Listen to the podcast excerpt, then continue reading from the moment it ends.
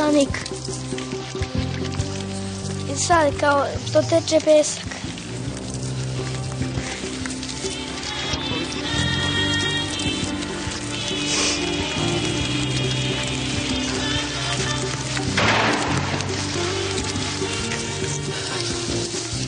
Živet ćemo, radit ćeš ko rob. Bićemo robovi. Nije to Hag, to smo mi. Peščanik.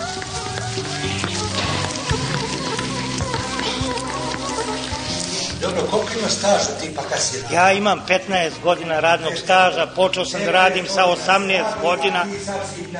A, ma, nisam se ja naradio, ja hoću i dalje da radim, ali mi ne dozvoljavaju da Ne dozvoljavaju mi da radim. Pazi, mi pričamo o radu, ali imamo šta da radimo. Ajde da postavimo pitanje šta da radimo. Ja sam šest sati puta do Banja Luke gledala u pod od autobusa. Nisam više mogla da podnesem da gledam srušenu, spaljenu, izrešetenu. Srušenu, spaljenu, izrešetenu. Peščanik. Možda Đinđić to hoće šta je. Trči, skači, plivaj. I slušajte emisiju Bože, on hoće da mi rintamo od jutra do sutra, jer on. Ovde je moja zemlja koju da napustim nikad neću. Znači u ovom referendumu, kad smo mi trebali da odlučimo da će dođe Felipe Gonzalez i još dva neka pedera španca, 5 miliona 300 hiljada ljudi je došlo da kaže ko vas jebe. Gde je nestalo tih 5 miliona 300 hiljada ljudi danas?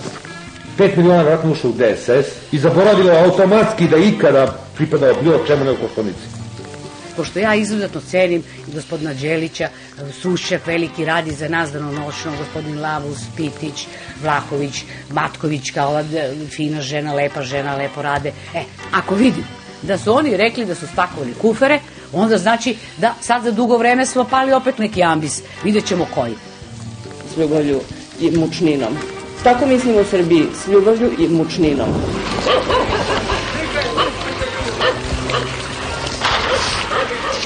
Ti braniš? Peščanik.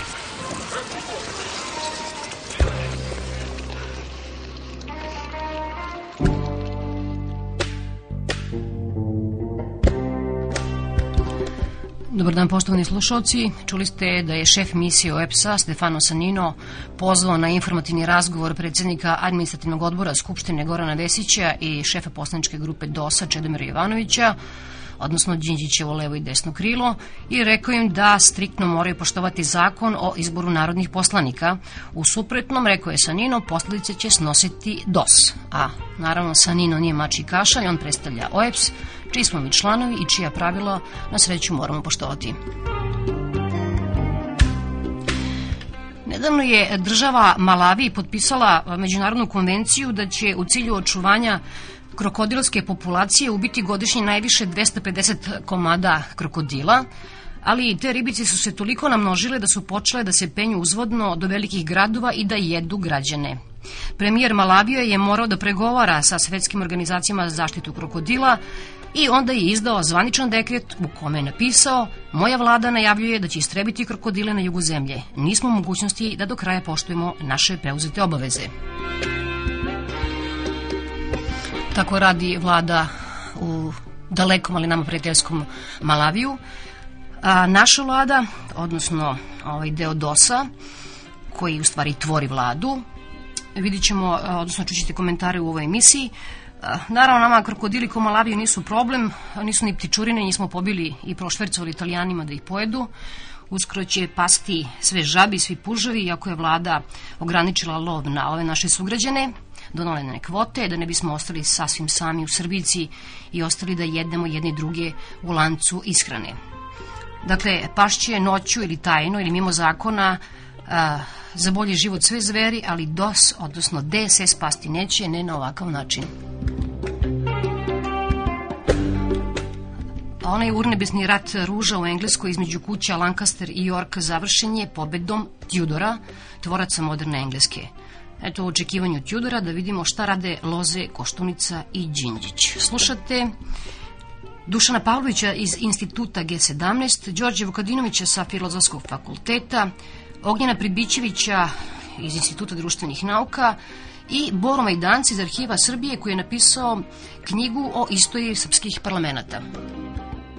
Vratit ćemo se 120 godina unazad. Na tom zasedanju bilo je 178 poslanika, što znači da je jedna četvrtina plus jedan poslanik mogla da izazove krizu. A upravo to se dogodilo na tom zasedanju, jer je grupa od 57 poslanika podnela ostavku na poslanički položaj zato što u određenom roku nije dobijen odgovor na postavljeno pitanje, odnosno interpelaciju u vezi sa bankrotstvom Bontuove generalne unije, s kojom je inače bio sklopljen ugovor o gradnji prve srpske železnice. Na novim izborima ponovo je narod glasao za istih 45 ljudi, znači istih 45 poslanika. Skupština je onda donela odluku da isključeni poslanici ne mogu biti ponovo vraćeni u Skupštinu i donela je znači jedno još rešenje da se drugi sa liste izborne, znači sa izborne liste, drugi postaju narodni poslanici. Dogodilo se da su narodnim poslanicima postali kandidati koji su imali samo dva glasa. Period od 1903. do 1914. je poznat kao period parlamentarizma koji je imao i tamnih tačaka. Odnosi između radikalne i samostalne radikalne stranke bili su naelektrisani i zategnuti, a kako je to izgledalo na plakatima, ja ću vam pokazati jedan plakat, a tekst koji je ovde napisan, Beograđani, na vama je samo znajte zlo u zemlji da se spreči, zato složno glas ne dajte tom Savčiću goroseči. Nek propadne, nek ga nema, ko narodu propast sprema. Odgovar, odgovorili su naravno radikali, gde prva rečenica dovoljno govori, fuzionaši su počinili narodu mnoga zla i spremaju se da i veća učine ako ih narod ne ljokne na izborima. Suština je ovo da se na taj način menja izborna volja građana. Znači, građani su glasali za jednu listu, e, svi mi znamo ko je bio na čelu te liste i kako su ti mandati zapravo podeljeni. I ja ne znam ko će moći u Srbiji da da odgovor kako se desilo da u toj vladi praktično DSS nije imao predstavnika. Znate, čija je to odgovornost ako su oni u koaliciji, u tom trenutku, pazite, to je posle 5. oktobra, predominantan pa, partner, bez ikakve dileme i pravi se vlada u kojoj kao DSS učestvuje, a ulazi u vladu bez ičega. Jer, znate, nemojmo se zavaravati time što su imali ministra zdravlja i potpredsednika vlade, to je prosto smešno. Znate, to, je, to su mesta koje se daje junior partneru, znači nekom ko ima 2%, 5%. Kako se desilo da u toj vladi oni nemaju od 4, 3 ključna ministra? Tu je pra početak nekog pitanja zašto se to dešava. Čini mi se da je ovo jedan trenutak ili jedna neka vrsta Rubikona, došli smo trenutka kada više ili manje prljava politička borba između političkih rivala, suparnika, poprima forme jedne političkog obračuna koji dakle, preti da se izlije i van parlamenta i van institucija, mada je svojevrsno izlivanje već bilo to što je ta borba bila preneta u ove bezbednosti institucije, što se dogodilo još negde zimus, a sada se znači to prenelo i u parlament, ne u smislu parlamentarne borbe i sukoba argumenta, nego uh, se svelo na nešto što ja, svestan težine toga što, što izgovaram, nazivam nekom vrstom parlamentarnog udara, odnosno nekom vrstom krađe izborne volje građana. U ovom slučaju, prosto je sasvim jasno gde leži krivica, ako tako možemo da kažemo, a ona leži, dakle, u ovom delu vlade koncentrisanom oko DS-a i njenih satelita, koji se izmenili ne sa svim e, jasnih razloga počeo posljednjih meseci pokazivati znake prevelike nervoze i neke vrste, neke vrste gubljenja orijentira. Kao da su svi, svi, sve kočnice popustile. Pri čemu je verovatno tome doprineo i relativno mla, doprineo su i relativno mlake reakcije javnosti na prethodne slučaje, manje drastične, ali rekao bih dosta znakovite, dosta karakteristične, znači manifestacije ove tendencije vladajućeg dela DOS-a da krši i pisane i nepisane, znači norme političkog života, A kažem, tome smo doprinuli dosta i mi iz, iz medija, iz ove kritičke javnosti, ne uviđajući blagovremeno te simptome gubljenja osjećaja za realnost jedne rastuće, ekspandirajuće bahatosti koju su predstavnici vlasti u parlamentu i van parlamenta demonstrirali. Uvijek se našlo neko opravdanje, ili su, je ta oštrica bila uperena protiv, recimo, radikala, a nije prosto zgodno i stvar dobrog ukusa braniti ili podržati bilo što zahtevaju, što kažu radikali. I kada ta stranka pokrene inicijativu za pokretanje inicijative za smenu republičke vlade, onda je tu tačku trebalo staviti na dnevni red, a ne odbaciti tu inicijativu, znači što je direktno kršenje, elementarno kršenje ovaj poslovnika o radu Skupštine, a poslovnik radu Skupštine i za Skupštinu ono što je ustav za državu. Kada se kaže državni udar, onda je obično prva asocijacija neke tenkove na ulicama i borna kola i barikade i krv. Ovde je to naravno potrebno jednom malo simboličkom i prenosnom smislu, ali ne manje ozbiljnom, odnosno ako pogledamo institucionalno, onda se zbilja može govoriti o nekoj vrsti svakako parlamentarnog udara, a s obzirom na stanje inače institucija u Srbiji i stepen koncentracije s elementima uzurpacije vlasti u rukama ove republičke vlade, onda se može govoriti i čak o nekoj e, formi i državnog udara. Dakle, moramo podsjetiti da je javnost, kažem, dosta inertno podlegla samo imenovanju, bolje reći, samo identifikaciji ovih vladajućih e, političkih aktera, tako da polazi se od toga na, da mi na političkoj sceni postoje neki endemski demokrate i šta god oni učine, i reformisti i demokrate, i šta god oni učine, to je reformski, to je doprinos reformama i doprinos demokratiji, kao što postoje neke endemske, ne znam, nedemokrate ili autoritarci. Ne, nas postupci, konkretni postupci i činovi nas čine demokratama, reformistima ili autoritarcima ili diktatorima. I rekao bih da u konkretnim postupcima, kada ih analiziramo, znači, ove vlasti ima, nažalost, jako mnogo toga. Ono što jeste malo misterija, to je zašto se sam premijer Đinđić povodi za time, odnosno za argumentima i stavovima ovih radikala unutar svoje stranke, odnosno naročito ovaj, unutar ovih mlađih koalicijonih partnera. I tu bi se već možda mogli tražiti neki psihologati, neki psihološki razlozi ili neki drugi. Jedna sklonost ka političkom hazarderstvu.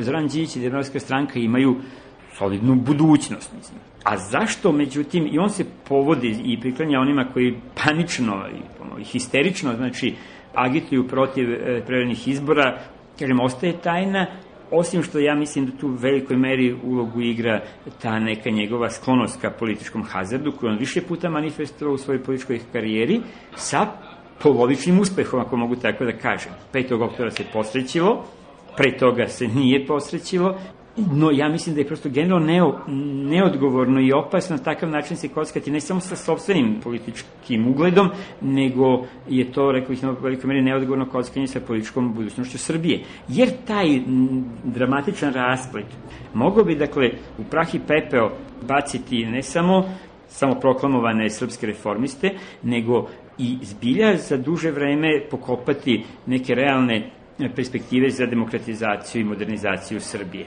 Ja nisam siguran, to jest verujem da nije tako, odnosno da njihova pobeda ne, ne znači automatski pobedu reformske, demokratske i evropske Srbije, ali je nažalost i paradoksalno njihov poraz u velikoj meri mogao značiti poraz te evropske i demokratske Srbije i zbog toga sam tako ogorčen što se ta garnitura, rekao i tako neodgovorno kocka sa tim velikim ili najvećim, najdragocenijim ulogom. Politička odgovornost nesumnjivo leži u jednoj dobroj meri na DSS-u i ja to uopšte ne poričem i kažem kad god imam priliku, ali to nije ona vrsta krivice i odgovornosti, ono što im se obično spočitava, jeste, postoji odgovornost onih koji nisu, a imali su načelno, imali su mogućnost da se suprostave, a nisu je suprostavili. DSS u tom smislu neće moći i ne može e, izbeći odgovornost. Ali ja se samo plašim i zato naglašavam opasnosti od jedne vrste veštačke simetrije kada je reč o ovako dramatičnim slučajima kao što je ovo oduzimanje mandata. Ja samo ne želim da stavimo znak jednakosti i te dve vrste odgovornosti. Ovi su krivi za ono što su učinili, a ovi su možda krivi za ono što nisu učinili, ali dakle kao takav DSS može da bude predmet i treba razne vrste političkih sankcija. Ali samo ono što nije moguće, to je upravo ono što je učinjeno, nije moguće uzimati njihove mandate, jer to je onda već čisto brutalno političko, odnosno parlamentarno nasilje. E, to je nešto što se ne može učiniti. I ovde se pokazalo ono što se više puta dešavalo, da mi vatru gasimo, vatru političke krize u Srbiji gasimo benzinom. Odnosno, e, jedan problem, jedna afera se zatrškavaju tako što se uveće u veći problem, u veću krizu, u veću aferu. Ali ono što je loše to je što se stvara jedan utisak da je tako od uvek bilo i uvek će tako biti i nisu Srbi za demokratiju i uvek je to tako bilo ili Kurta ili Murta. U takvoj jednoj psihozi koja se dosta masovno stvara i neminovno se stvara kada se vlast ponaša ovako kako se ponaša, teško je očekivati sve ono što vladala očekuje. Tako neki entuzijazam, spremno za neku vrstu, odri, za neku vrstu odricanja, stezanja kajša i tako dalje, sve zarad neke bolje budućnosti. Ovo postiče samo neku, neku rezignaciju, to je jednu opštu rezignaciju i neku vrstu cinizma, kažem, koji je oličen u te oporoj istini o Kurti, o Kurti i Murti. I još jedna stvar koja je tu dodatno opasna, a to je da se stvara utisak kako je za sve to što se čini i za sve te brljotine koje e, čini ova sadašnja srpska vlast, da to ima neku vrstu odobrenja ili e, sa nadležnog mesta u međunarodnoj zajednici.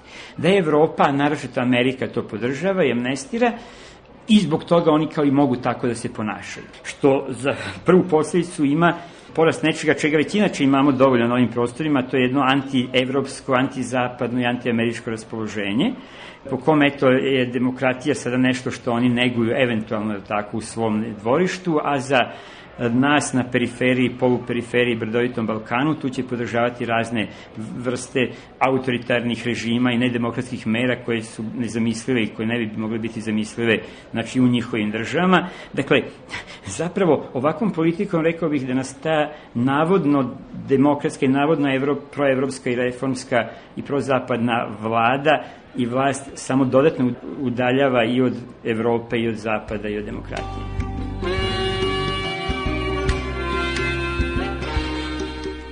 Bio Đorđe Vukadinović sa Filozofskog fakulteta u Beogradu, a sada Dušan Pavlović iz instituta G17.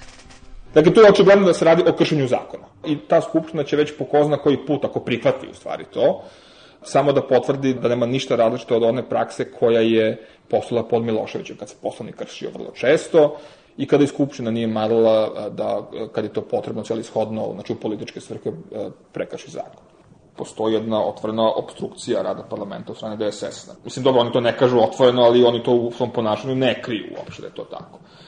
I ja se slažem da se protiv te obstrukcije treba boriti. Međutim, e, stvar je, za demokratiju je bitno da se kaže da e, vi možete da radite šta god hoćete u okviru znači, tog e, demokratskog jednog, da kažem, igrališta, ali u okviru pravila. Jel? Dakle, ne može se menjati pravila u toku igra. E sad, šta DSS hoće? Oni su tu u Skupštini a, Srbije da bi a, obstrukcijom pokušali da osujete ono što radi ova vlada. Vi to možete nazvati kako god hoćete šta ona radi, da neki to zovu reforme, neki to zovu da su to najobičnije budalaštine, šta god da je to, oni su da to podkopaju, da to unište. Jel? I ja se slažem, znači, e, e, da vlada ima pravo i skupštinska većina da se protiv toga bori. Ali jednostavno, e, znači, moj je stav i mislim da, da će to biti jedan od problema, znači ne samo da ja to sad volim ili ne volim, što su oni to tako uradili. Znači, stav je prosto da se protiv toga e, možete se boriti poštujući procedure. Šta u sporazumu u DOS-a kao koalicije stoji ili ne stoji, to je popuno nebitno. Znači, u DOS-u, u DOS-ovom sporazumu može da piše i da Pera Perić može da smenje poslanika kako god hoće, ali to jednostavno ne važi zbog toga što je Znači, se prestanak mandata utvrđen je zakonom o izboru narodnih poslanika i to je vrhovni kriterijum. Vi biste priključili promenu poslovnika? Pa jesam, oni su to i najavili, ne znam što su odustali. Čeda Jovanović je to najavio da će on, znači, da promene poslovnik i da spuste, znači, kvorum za one slučajeve kad se raspravlja.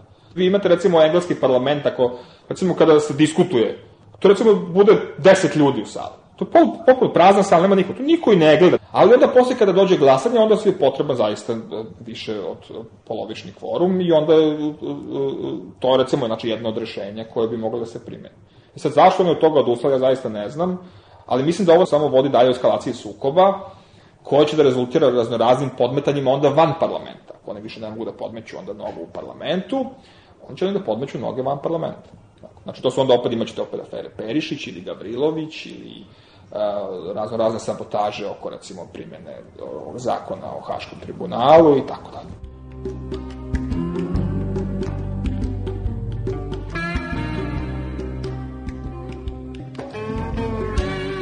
To se odlučilo znači, na sednici DOS-a koji je tako neformalno telo i da tu može da se uradi stvar za e, pola sata, za, za par sati. Jel? Poslovnik bi se trebao da se menjati u Skupštini Pošto je ova sednica, e, znači, još uvek traje do, do 31. maja, ja mislim, onda bi tek na onom sledećem, i to bi bilo tek u junsko uh, vanredno zasedanje. Pa bi ko zna kad to došlo na red. Znači, možda bi prošlo mesec dana dok to ne bi došlo na red. Ovako sve to znači, desilo u jednom danu i administrativni odbor sad to treba da potvrdi na, na, ovaj, na, ili možda već, već to potvrđuje i tako se rešio problem za čas. Tako da svi ovi zakoni koji sad dolaze e, na, do kraja ovog zasedanja će biti e, najverovatnije urađeni tako što će DOS imati još 10 poslanika više. Nije ništa čudno da se u srpskoj politici da se često kolje voz za parče mesa. To je radio Milošević, to rade to za 10 poslanika, to radi sada i, i DOS. Pa delujem razočarano, zato što sam smatrao da će, eto, ako ništa drugo, Znate, ja recimo nisam očekivao sada da će u ovoj zemlji da procvete ruže za, ne znam, za godinu i po dana, da plata prosečna bude hiljadu i po maraka i tako da. Poštovanje procedura nema nikakve veze sa tim. Znači, vi jednostavno odlučite hoćete li da poštujete proceduru ili nećete. I to je cela priča. Tu nema, znači tu ne zavisite ni od toga šta misli Međunarodni monetarni fond, ni šta misli američka vlada koja hoće da vam da ili neće da vam da 130 miliona dolara, ni od Svetske banke, ni od toga što rade sindikati, ni koliko ima nezaposlenih, ni koliko je inflacija, ni e, kakve su nam plate, to ne zavisi od nijedne od tih stvari. Znači, ili odlučite da poštujete poslovnik i ustav i tako dalje, ili to ne radite. Mislim, znate šta je poenta stalnog kršenja zakona? Da će ono i u budući da se krši. I onda će kad bude nešto mnogo gore, znate, nije, možda neko može da kaže, dobro, nije to mnogo strašno što je DSS bio taj koji je nagrabusio tog kršenja zakona. Dobro, evo, taj koji ne voli DSS, verovatno će tako nešto da kaže i bit će to u redu. Ali će u buduće, znači, da se, da se, da se stvara jedna atmosfera opšte kršenja zakona, pa će nekad i neko da, da nagrabusi i ko možda ne zaslužuje da mu se to desi, ili ćemo možda, kao što je bilo znači, slučaj pod Miloševićem, da često nagrabusimo baš svi mi.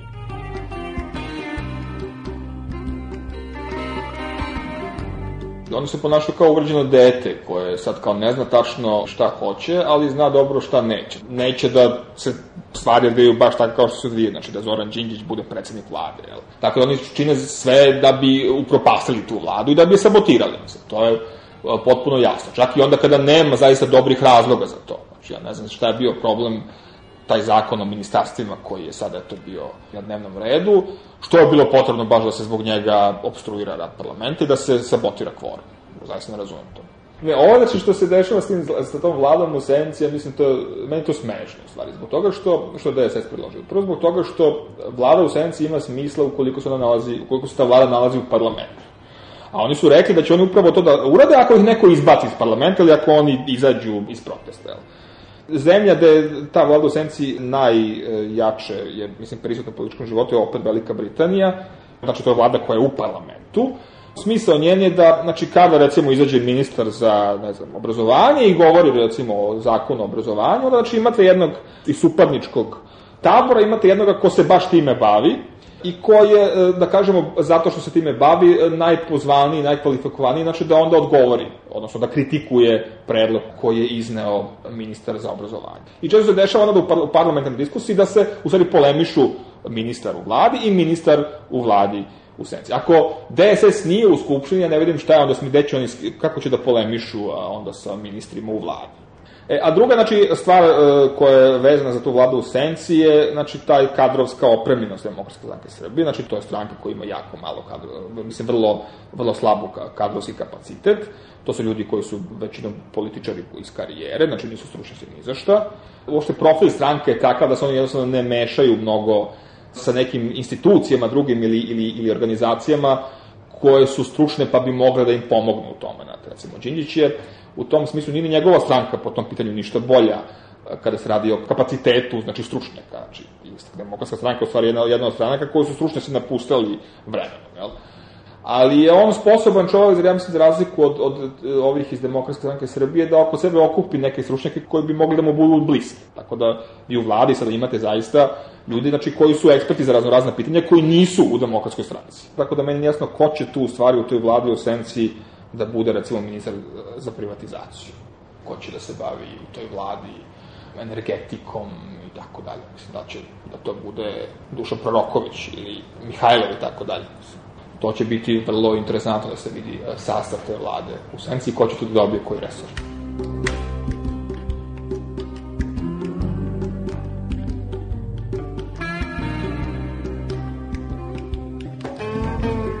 Ali znate šta, tu postoji sledeći izbori, kako da se oni dese. Znači, svaki novi izbor je uvek nosi sa sobom neki mogućnost da se stvari prekomponuju, ne samo u smislu broja poslanika, nego u smislu znači stvaranja nekih koalicija širih, većih e, i stvaranja nekog većeg konsenzusa među većim brojem stranaka. Znači. I Milošević je pao na izborima, a, i ako sam ja recimo bio sklon da tvrdim dva meseca pre nego ti izbori septembarski bili, da je to sve ide jako loše, ali loše su izbori pa se to što se promenilo, jel? Tako i posle ovih izbora, znate, sada će to, sada će, znači do sledećih izbora će stvari ići sigurno jako loše u smislu što će se ovakvi sukobi koji podrazumevaju, znači, najprljaviju igru podmetanja, što radi DSS, i kršenje procedura što radi znači DOS i kršenje znači zakona će se nastaviti do sledećih izbora. To je sigurno tako. Ja mislim da tu neće ne, nema nema ničega što bi moglo da spreči bilo koga da prekine s tom E, onda kad se dođe, kad dođe novi izbori, kad se to sve, ovaj, kad, kad se to sve malo prodrma, onako, znači da se malo sve onako uvreći, da se malo se to protrese, pa onda izbacite ponovo iz te vreće onako šta se imate unutra, onda se to malo drugačije sve rasporedi i onda će, e, ja mislim da postoji šansa da se tu nešto promeni. Znači, ali morat ćemo zaista, ja mislim da čekamo sledeći izbor se odnesi. Nisam baš sposoban da procenim da li je to baš sada već trenutak kada bi to trebalo. Mislim da je to vrlo blizu tom trenutku da će doći sigurno trenutak kada mi više nećemo moći da živimo od tih podmetanja, što će to da se dešava svakih recimo dve nedelje.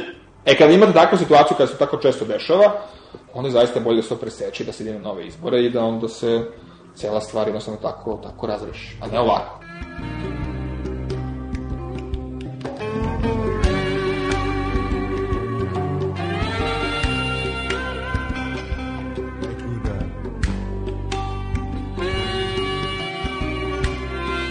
Peščanik.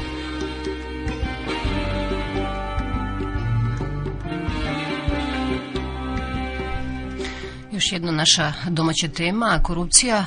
Sinoć je u Domu omladine održana jedna tribina, tribina koju je organizovao otpor a, o korupciji.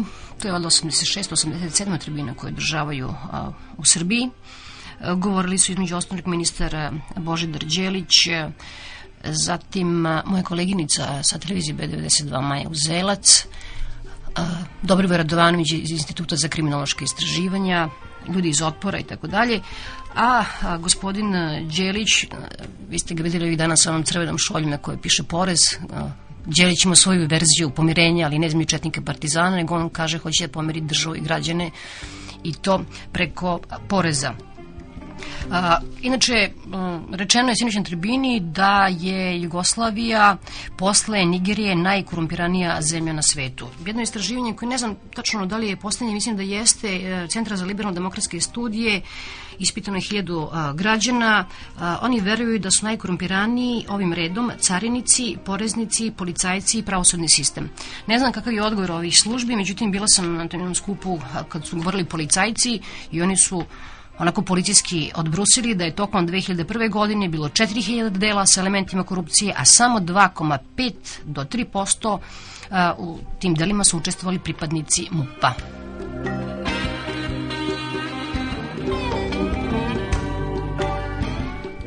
Slušate ovim redom Dobrivoja Radovanovića, dakle direktor Instituta za kriminološke istraživanja, ministra Božidara Đelića i Božidara, odnosno Božu Prelivića, on je sudija, a sećate se da je bio u onoj prelaznoj vladi i ministar policije. Ja ne verujem mnogo u metode borbe protiv korupcije sa korupcijskim timovima, Ne verujem mnogo u te timove između ostalog i zbog toga što je bez, državna bezbednost u njima.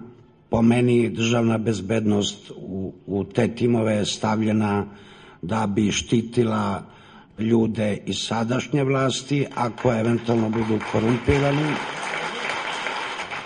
Koristim priliku da je gospodin ministar prisutan i otvoreno ću reći da neki potezi vlade Srbije nisu antikorupcijski, nego prokorupcijski. Ali... Ne, Dakle, ne verujem u borbu protiv korupcije sa uredbama vlade o monopolu, a monopol je napravljen u prometu akciznih roba, recimo u naftinim derivatima, u cigaretama i još nekim važnim robama. Ne verujem u borbu protiv korupcije ako ništa ne promenimo u ovoj silnoj administraciji koju imamo. Ja ću vam navesti recimo da biste formirali jednu, jednu fabriku u Srbiji od temelja, da biste otvorili, treba vam 5 kilograma raznih dozvola. Da biste napravili kuću, treba vam 18 različitih dozvola. Ja sam našao jednoga koji je opisivao povlačenje rimskog carstva sa ovih predela kada su nadirale ove slovenske horde i naši preci i on ih je opisao i rekao snažni, loše organizovani i podležni mitu. Pa onda gledate način na koji ste mogli eventualno da kupite glasove u našoj skupštini pre rata i tu je bila neka cena, jedan vo, dva vola za različite stvari. Znači, očigledno da ta pojava je postojala i možemo veoma lako da padnemo u ono što je, čini mi se, nacionalna boljka, to je što ja nazivam nadobudni nihilizam, sve je loše, ništa ne može da se popravi. Najlakše reći da saveti ništa ne valjaju, timovi ništa ne valjaju i naravno istovremeno treba da jako povećamo plate onih koji žive od budžeta i istovremeno da jako spustimo poreze, da ne bi bilo korupcije. I naravno vidimo veoma brzo koliko ima protivrečnosti u svemu tome i naravno mene iritira našoj kritičnoj smisli kada ljudi pričaju bez dovoljno, rekao bih, informisanja samog, kada žele da budu eksperti u jednom domenu, a ne raspitaju se, na primjer, i kažu, kao što ste vi rekli, da postoji monopolisovanje uvozu cigarete, što nije tačno, ili kada kažu da je, postoji monopol u uvozu nafte, što je delimično tačno, ali nikom slučaju nije monopol u trgovini i kad se kaže da je to prozorkovalo korupciju, ja jednostavno pitam se o čemu mi ovde pričamo, jer meni ruke drhte kada vidim koliko novca sad ulazi u državnu kasu, a znam da je išlo u neke mafijaške ruke pre. Onda kažemo, a, znači taj i taj je pokazao da je u stanju da plati toliko hiljada maraka na jednokratni porez. Ua jednokratni porez. Ništa ne vredi jednokratni porez. Pa čekajte, da nije slučajno taj jednokratni porez naplatio nešto tamo gde pre nije bilo ničega. Onda kažemo, u redu, dobro, ali vlast ne radi dovoljno jer jednostavno niko nije osuđen. A sa druge strane, slučajno da izvršna vlast nije podigla telefon da nešto kaže nekom sudiji. Moje ministarstvo je podnelo za sada 47 krivičnih prijava. Niko nije osuđen što se tiče budžetske inspekcije. Da li tužilaštvo počelo da radi? Jeste. Da li ima neiskustva sa jedne sa druge strane? Apsolutno. Budžetski inspektori, koliko ih je bilo četiri za vreme Miloševićeg režima, nikada nisu napisali krivičnu prijavu. I one koje smo doveli su tek naučili kako se ta stvar radi, a to bi trebalo da budemo u opisu posla.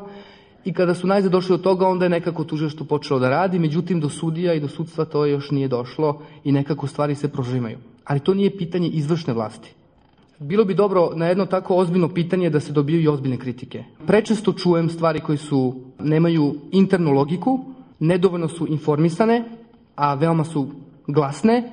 Najlekše je pobrati aplauz govoreći u lopov drže lobovi isti su i za predlog kaže smanji porez, digni plate, treba brže, treba sporije, treba da se prispita svaka imovina, svaka, svaka, svaka, do zadnjega čujem neko ovde, a apsolutno svaka imovina, a da se ne pitamo šta to znači za sve naše građane, da ćemo ponovo Titova vremena, odakle ti taj sat, da li treba u dojišništvo da idemo, koje je stvarno ta društvo koje hoćemo da sagradimo.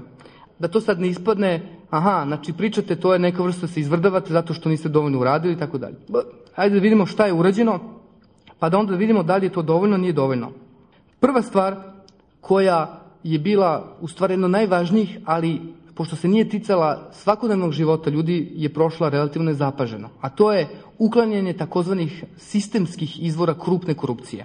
Prva stvar, nema više kvota kontingenata i time nema više onoga, kao što smo videli, kada neko može i samo ta osoba može da uveze nešto da izveze što je veoma vredno i da dobije veoma veliki profit. Nema više dva, tri kursa dinara.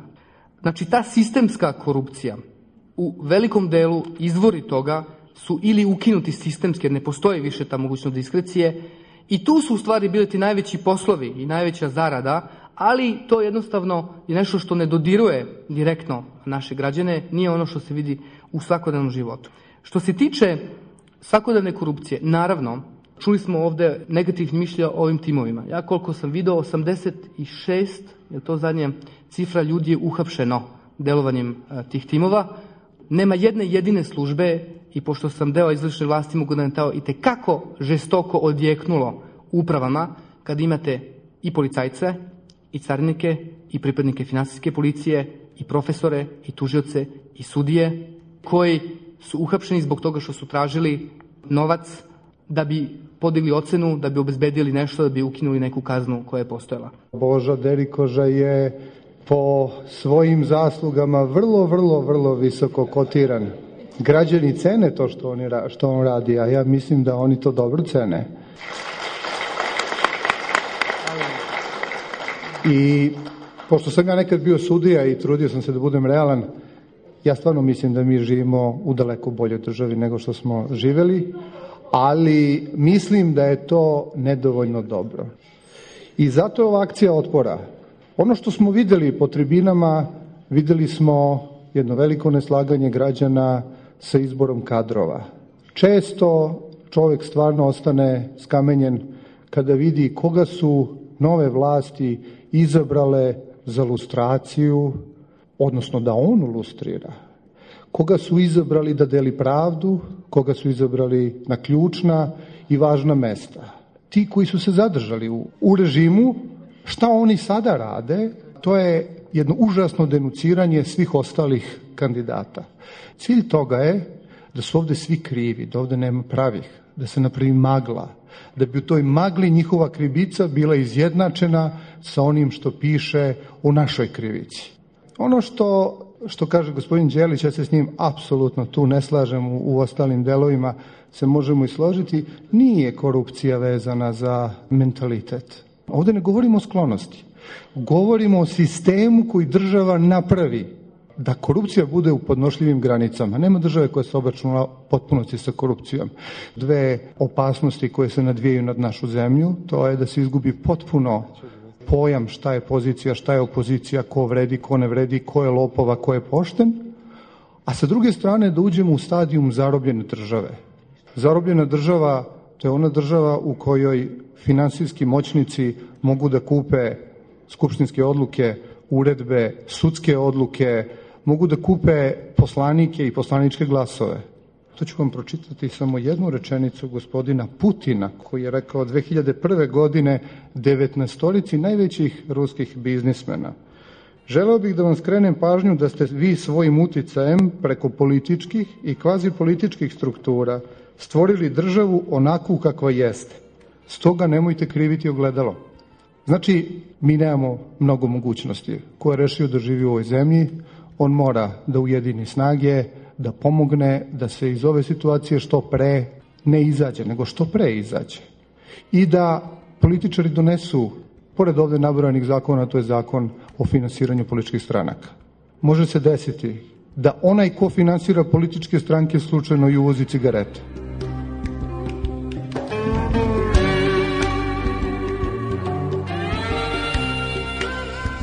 13 minuta do 4 sata kada će se predsednik Koštunica obratiti na konferenciji za štampu.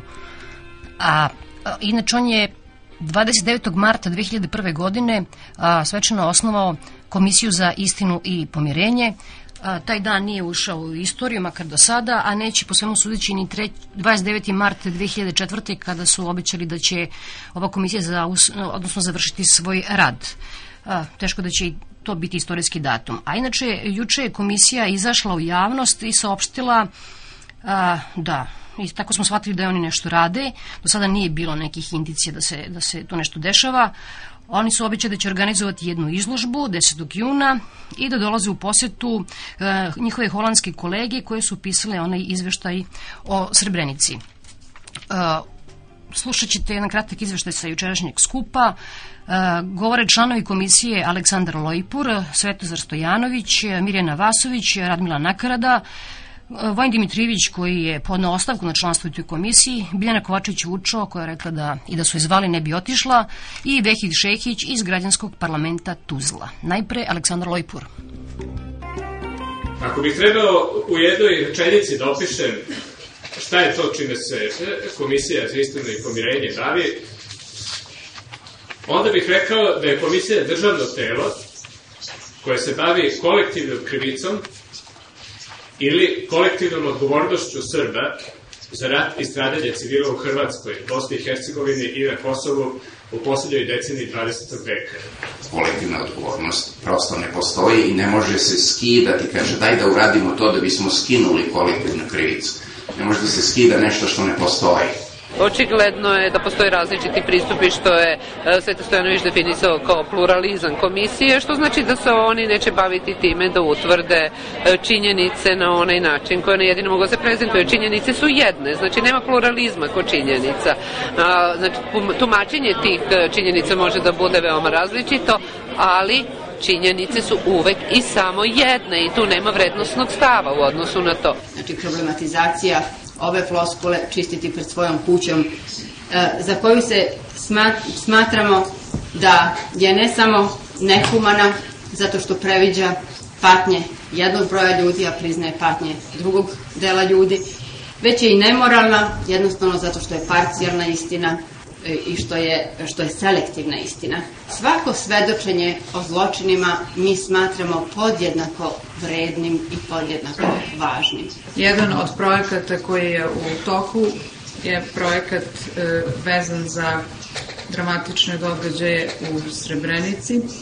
U našim planovima naravno figurira kao naj, jedan od najznačajnijih a, napora i pokušaj da dovedemo žrtve ili porodice žrtava iz Srebrenice ali i srpske i muslimanske. Mnoge žrtve će doći na televiziju Verana Matića, mnoge žrtve će doći da govore pred, sa Drinkom Gojković, sa jednom Natašom Kandić, sa jednom Sonjom Biserko, sa profesorom Dimitrijević. Sigurno će te žrtve uh, doći da govore. Međutim, bojim se da neće doći do žrtve, da govore pred komisijom koju je formirao Vojislav Koštunica. To je jasno i glasno. Da li Miko može ozbiljno tvrditi da su Srbi isključivi krivci za rat? Da dakle nema uopšte odgovornosti na strani Hrvata, Bošnjaka, Albanaca i samog Zapada. Ako su odgovori na ove pitanje negativni, ako je dakle odgovornost isključivo u Srba, onda bi komisija imala lak zadatak. Ako pak ima odgovornosti i kod drugih, a ne samo kod Srba, onda i to treba analizirati i o tome pisati i izveštavati. Komisija je mogla dakle da prenebregne sva ova pitanja, da neupitno prizna srpsku krivicu za rat, da naštera političke elite i narod da to isto učine, ali to ne bi vodilo ozdravljenju ovoga društva. Ja nisam ni stupio u ovu komisiju, dao sam jedno objašnjenje koje je svima poznato u pismu predsjedniku Koštunici, jer jednostavno nisam verovo da ovako opremljena komisija sa takim programom možda postigne neke rezultate. To ne znači da sam ja zlurad. Vidite da sam došao ovde jer mi je stalo da se taj posao obavi, ali se bojim da ako komisija nema veća ovlašćenja, ako ona ne može da natera ljude da svedoče, ako ona ne dobiju mnogo veći administrativni aparat, da će ona ostati u području koje je za većinu članova komisije najzgodnija, to je čisto istoričarsko područje. Mene kao pravnika, to sam tada rekao, ne zanimaju daleki uzroci sukoba. Ovde o njima će se raspravljati još jedno sto godina, bar me zanima me kako se ti zločili dešavali i šta se tu desilo. Druge strane, čini mi se da je komisija trebala se usredsredi na ono što se dešavalo na teritoriji sadašnje Savezne republike Jugoslavija, tim pre što u komisiji čak nemate nikoga iz Crne Gore.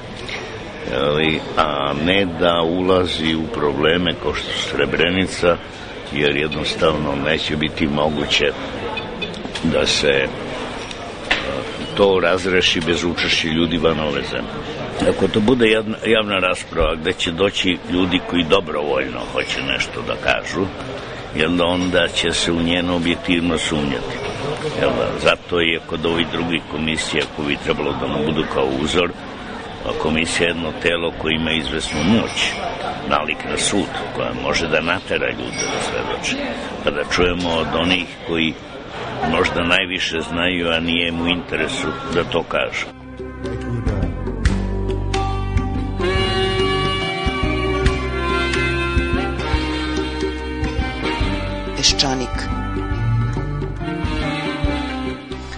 Izvinjam se za materijalnu grešku, profesor Dimitrijević, kao što ste čuli sami, nikad nije bio u ovoj komisiji, odnosno te nije mogu ni da, da istupi. A sada slušate dramskog pisca Nenada Prokića.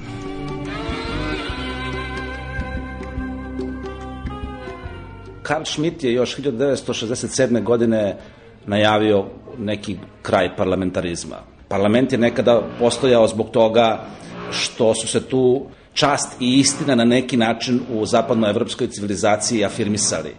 Sada je to grupa, jedna politička, dozvoljava sebi i laži i neistine da bi neki propagandni rat za svoje neposredno političko delovanje u neposrednoj političkoj budućnosti, koju će već sutra eventualno da promeni i da zauzme takođe neka stanovišta koja su potpuno suprotna i to smatra potpuno legalnim i regularnim. Na neki način to nam pokazuje da parlament više ne postoji. E, on postoji kao što i monarhija postoji po svojim spoljnim ustanovama i principima koju formalno karakterišu, ali de facto unutra ne postoji nikakav razlog.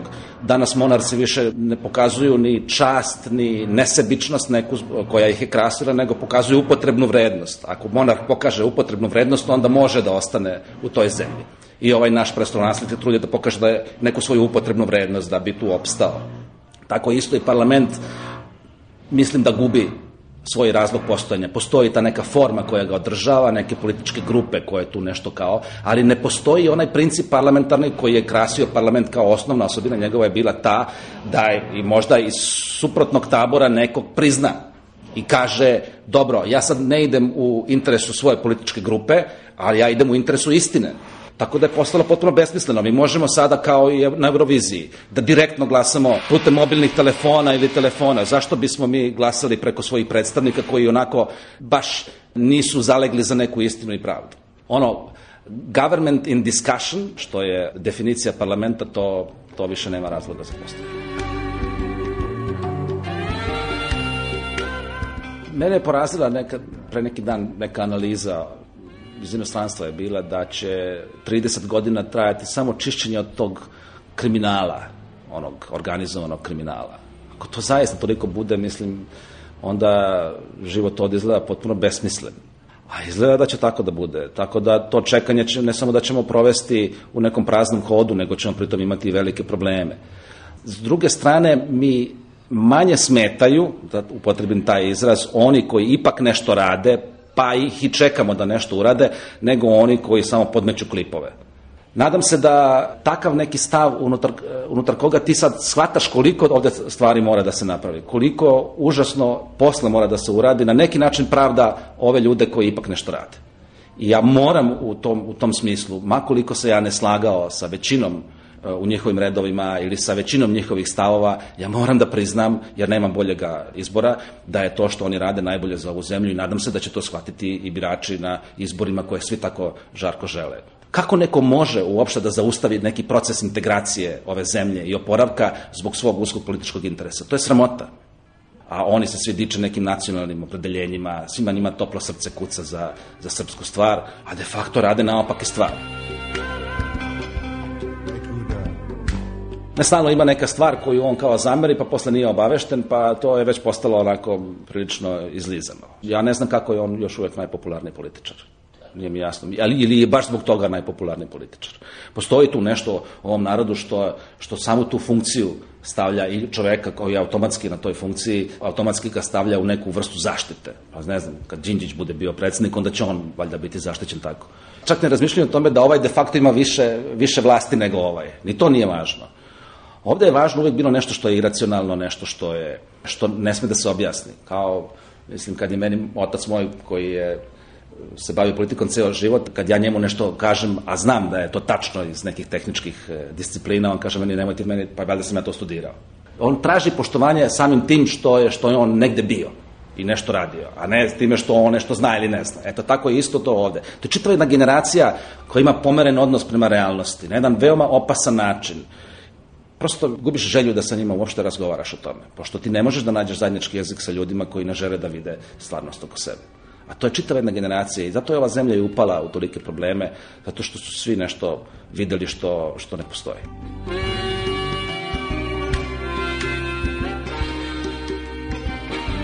Ja radim u pozorištu i ono što, što meni najavljuje neku budućnost koja nije baš svetla je to da u pozorištu ne postoji ništa osim velike krize. Pozorište postoji tako jedno 2-3 hiljade godina i ima neki svoj duboki razlog za, za postojanje, sigurno čime toliko dugo. Jedna od najstarijih institucija naše civilizacije, crkve, ne znam, javne kuće. Ali e, ja nisam video u pozorištu nešto zaista uzbudljivo i nešto zaista dobro već dugi, dugi niz godina. Možda je problem lično moj i vrlo se ustežem da ga kažem, pogotovo studentima, zbog toga što oni tek otkrivaju taj svet, ulaze u njega i nije lepo da im tako nešto govoriš. Ali s druge strane, ja to ipak govorim zbog toga što verujem da nisam ja u pitanju. Naprotiv, ja mislim da sam ja u pravu, a da svi ostali greše. Mislim da je ta kriza toliko sveobuhvatna i da se i tu nešto debelo izmaklo ispod. Zato što ne postoje jasno definisani pojmovi sreće, nesreće, muke, problema, nego je sve neka močvara u, u kojoj nemamo neka mlaka bara u kojoj sad nemamo vruće hladno, nego je stalno jedna ista vrsta nelagodnosti. I to je jedna tužna varijanta ljudska. Da ti nisi sposoban da izvučeš iz životnih elemenata i segmenata koji nas okružuju neku visoku umetnost u pozorištu ili barem nešto, neku uzbudljivost, neku katarzu.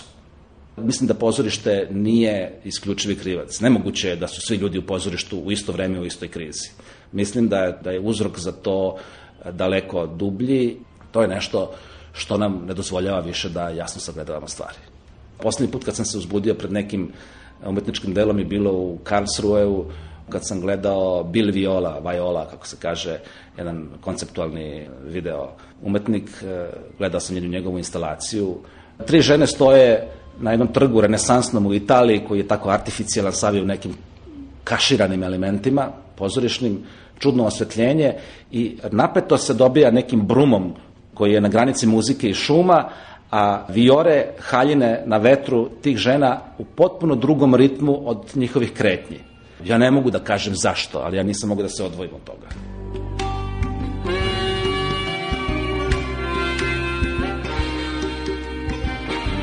Vitev teatar u ovoj crkvi koju je Hitler teo da se izgradi u Beogradu, inače predivan objekt, meni je strašno smeta Bajlonova pijaca tu, zato što je prljavo, zato što je kanta za džubre, pa sad se skupljaju ti ljudi, razno razni pijanice. I ja sam stalno to pokušavao nekako da osvojim i da napravim neki bedem i da se tu stave neke žardinjere, pa neko rastinje, pa da se tu napravi mali neki trgić, pa da tu sad sve bude lepo čisto kao Ivici i Marici. A onda su mi se otvorile oči pre neki dan. Došla neka američka trupa koja je gostovala u Bitefu, bila je na proputovanju kroz ovaj deo sveta, pa smo zgrabili da to bude, bio je ulični teatr.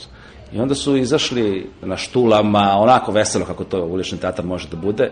Okupili su se svi ti ljudi od kojih sam ja hteo da se inače odvojim i svoje pozorište da odvojim od toga. Oni su potpuno fascinirani bili. Ti pijanci su gledali, pa su im davali neki novac od onoga što bi inače iskamčili od nekog drugog za piće. Romi koji skupljaju tu stari karton i sve to, i koji ostavljaju krše za sobom uvek, šta što im ne treba, oni porazbacuju oko našeg ulaza. Oni su prosto bili fascinirani. Ja sam više njih gledao nego izvođača i shvatio sam da je ovo što sam ja pokušavao prvo da je bezobrazno s moje strane, da nije pravi način uopšte i da ja ne mogu tu uopšte da pobedim. Shvatio sam da bi bilo mnogo bolje, pametnije i lepše da se ti ljudi priklone nama i da počnu da smatraju to pozorište svojom kućom i da onda vode računa o njemu isto kao i mi. Mislim da je nas naučilo ovih protekli deset godina ovih satrapa koji su se ovde nakotili. Gledam onog Mirka Marjanovića, on daje izjave da neće platiti profit. Ja kad ga vidim, ja poželim da je u zatvoru. Ja ne znam zašto on nije u zatvoru. Da li je moguće da on nije kriv? E, mi smo branili sebe uvek tom nekom vrstom agresije u povlačenju. Mi smo agresivni bili prema problemima jer smo od njih bežali i štitili smo sebe na taj način. Dakle, da i onako prodre kroz taj bedem mnogo toga, pa ajde da prodaš to manje. I mislim da je taj neki neaktivni stav, stav povlačenja, bežanja u osamu, u očaj, to je protivno životu kao takvom i to jednostavno nije tačno. To je bolest. Može čovjek da bude bolestan. Ali mislim da je ovde to uhvatilo maha kod svih ljudi koji vole da koriste svoju glavu. Najveću grešku koju su napravili ta da su sebe izolovali od, od drugih ljudi. Ja sam živeo od 90. godine u ovoj zemlji na taj način što se okružio ljudima koji misle isto kao ja. To je isto ograničavanje vidika. To je život u egzilu, to je život gde horizonti su veoma blizu. Mislim, ja mogu sa Filipom Davidom da razgovaram ceo život, ali da li on i ja možemo jednom drugom da kažemo nešto novo posle 10 godina? Ili nas polako pretiču svi ostali koji komuniciraju i koji su spremni da progutaju koju gorku pilulu. Mislim da smo mi u tom svom nekom egzilu dosta sebe razmazili i da zato ne, nismo sposobni za neki sveži početak. Mi smo postali dosta ekskluzivni, sami smo sebe proglasili dosta ekskluzivnim i taj moj stav o pozorištu, evo sad opet, sad skačem sebi u usta, je verovatno posledica takvog nekog stava, jer ja nisam dovoljno otvoren za nešto. Loše iskustva imam. I onda čak i kad se desi nešto, nešto zaista mora da me iznenadi da bih ja otvorio sve svoje perceptivne sposobnosti za uzbuđenje da bi se predao nekom. To je kao ono kad ti se dete baci sa zida u naručje, to je jedno najveće poverenje koje ja mogu da, da zamislim Jer visok zid 2 metra, dete ti skače u ruke. Ajde sad ti skoči meni u ruke sa 2 metra, da te vidim. E, to je nešto što je kod nas, nadam se, ne nepovratno izgubljeno. Da je nešto što možemo da povratimo, barem u nekim trenucima, u nekim momentima svog života, pre svega zbog kvaliteta našeg sobstvenog života.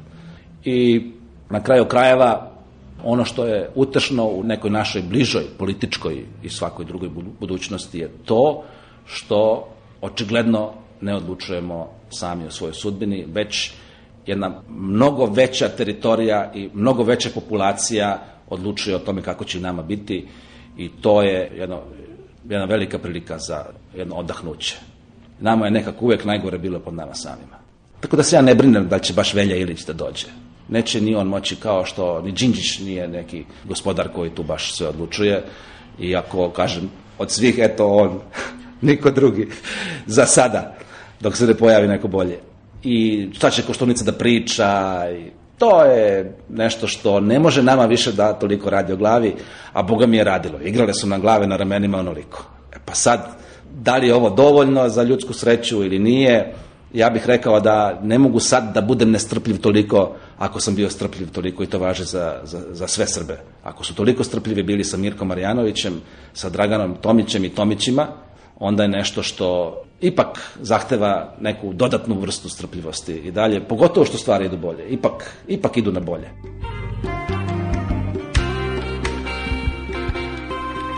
Kako za koga?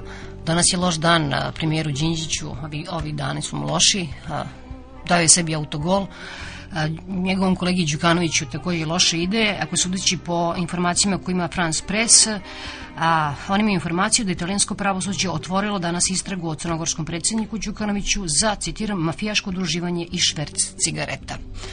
Čućete u stvari to opširnije u vestima koje slede. Ovo je bila emisija Peščanik, realizacija Ratko Ristić, montaža Božo Podunavac, vas pozdravljaju i zahvaljujem se na pažnji Svetlana Vuković i Svetlana Lukić.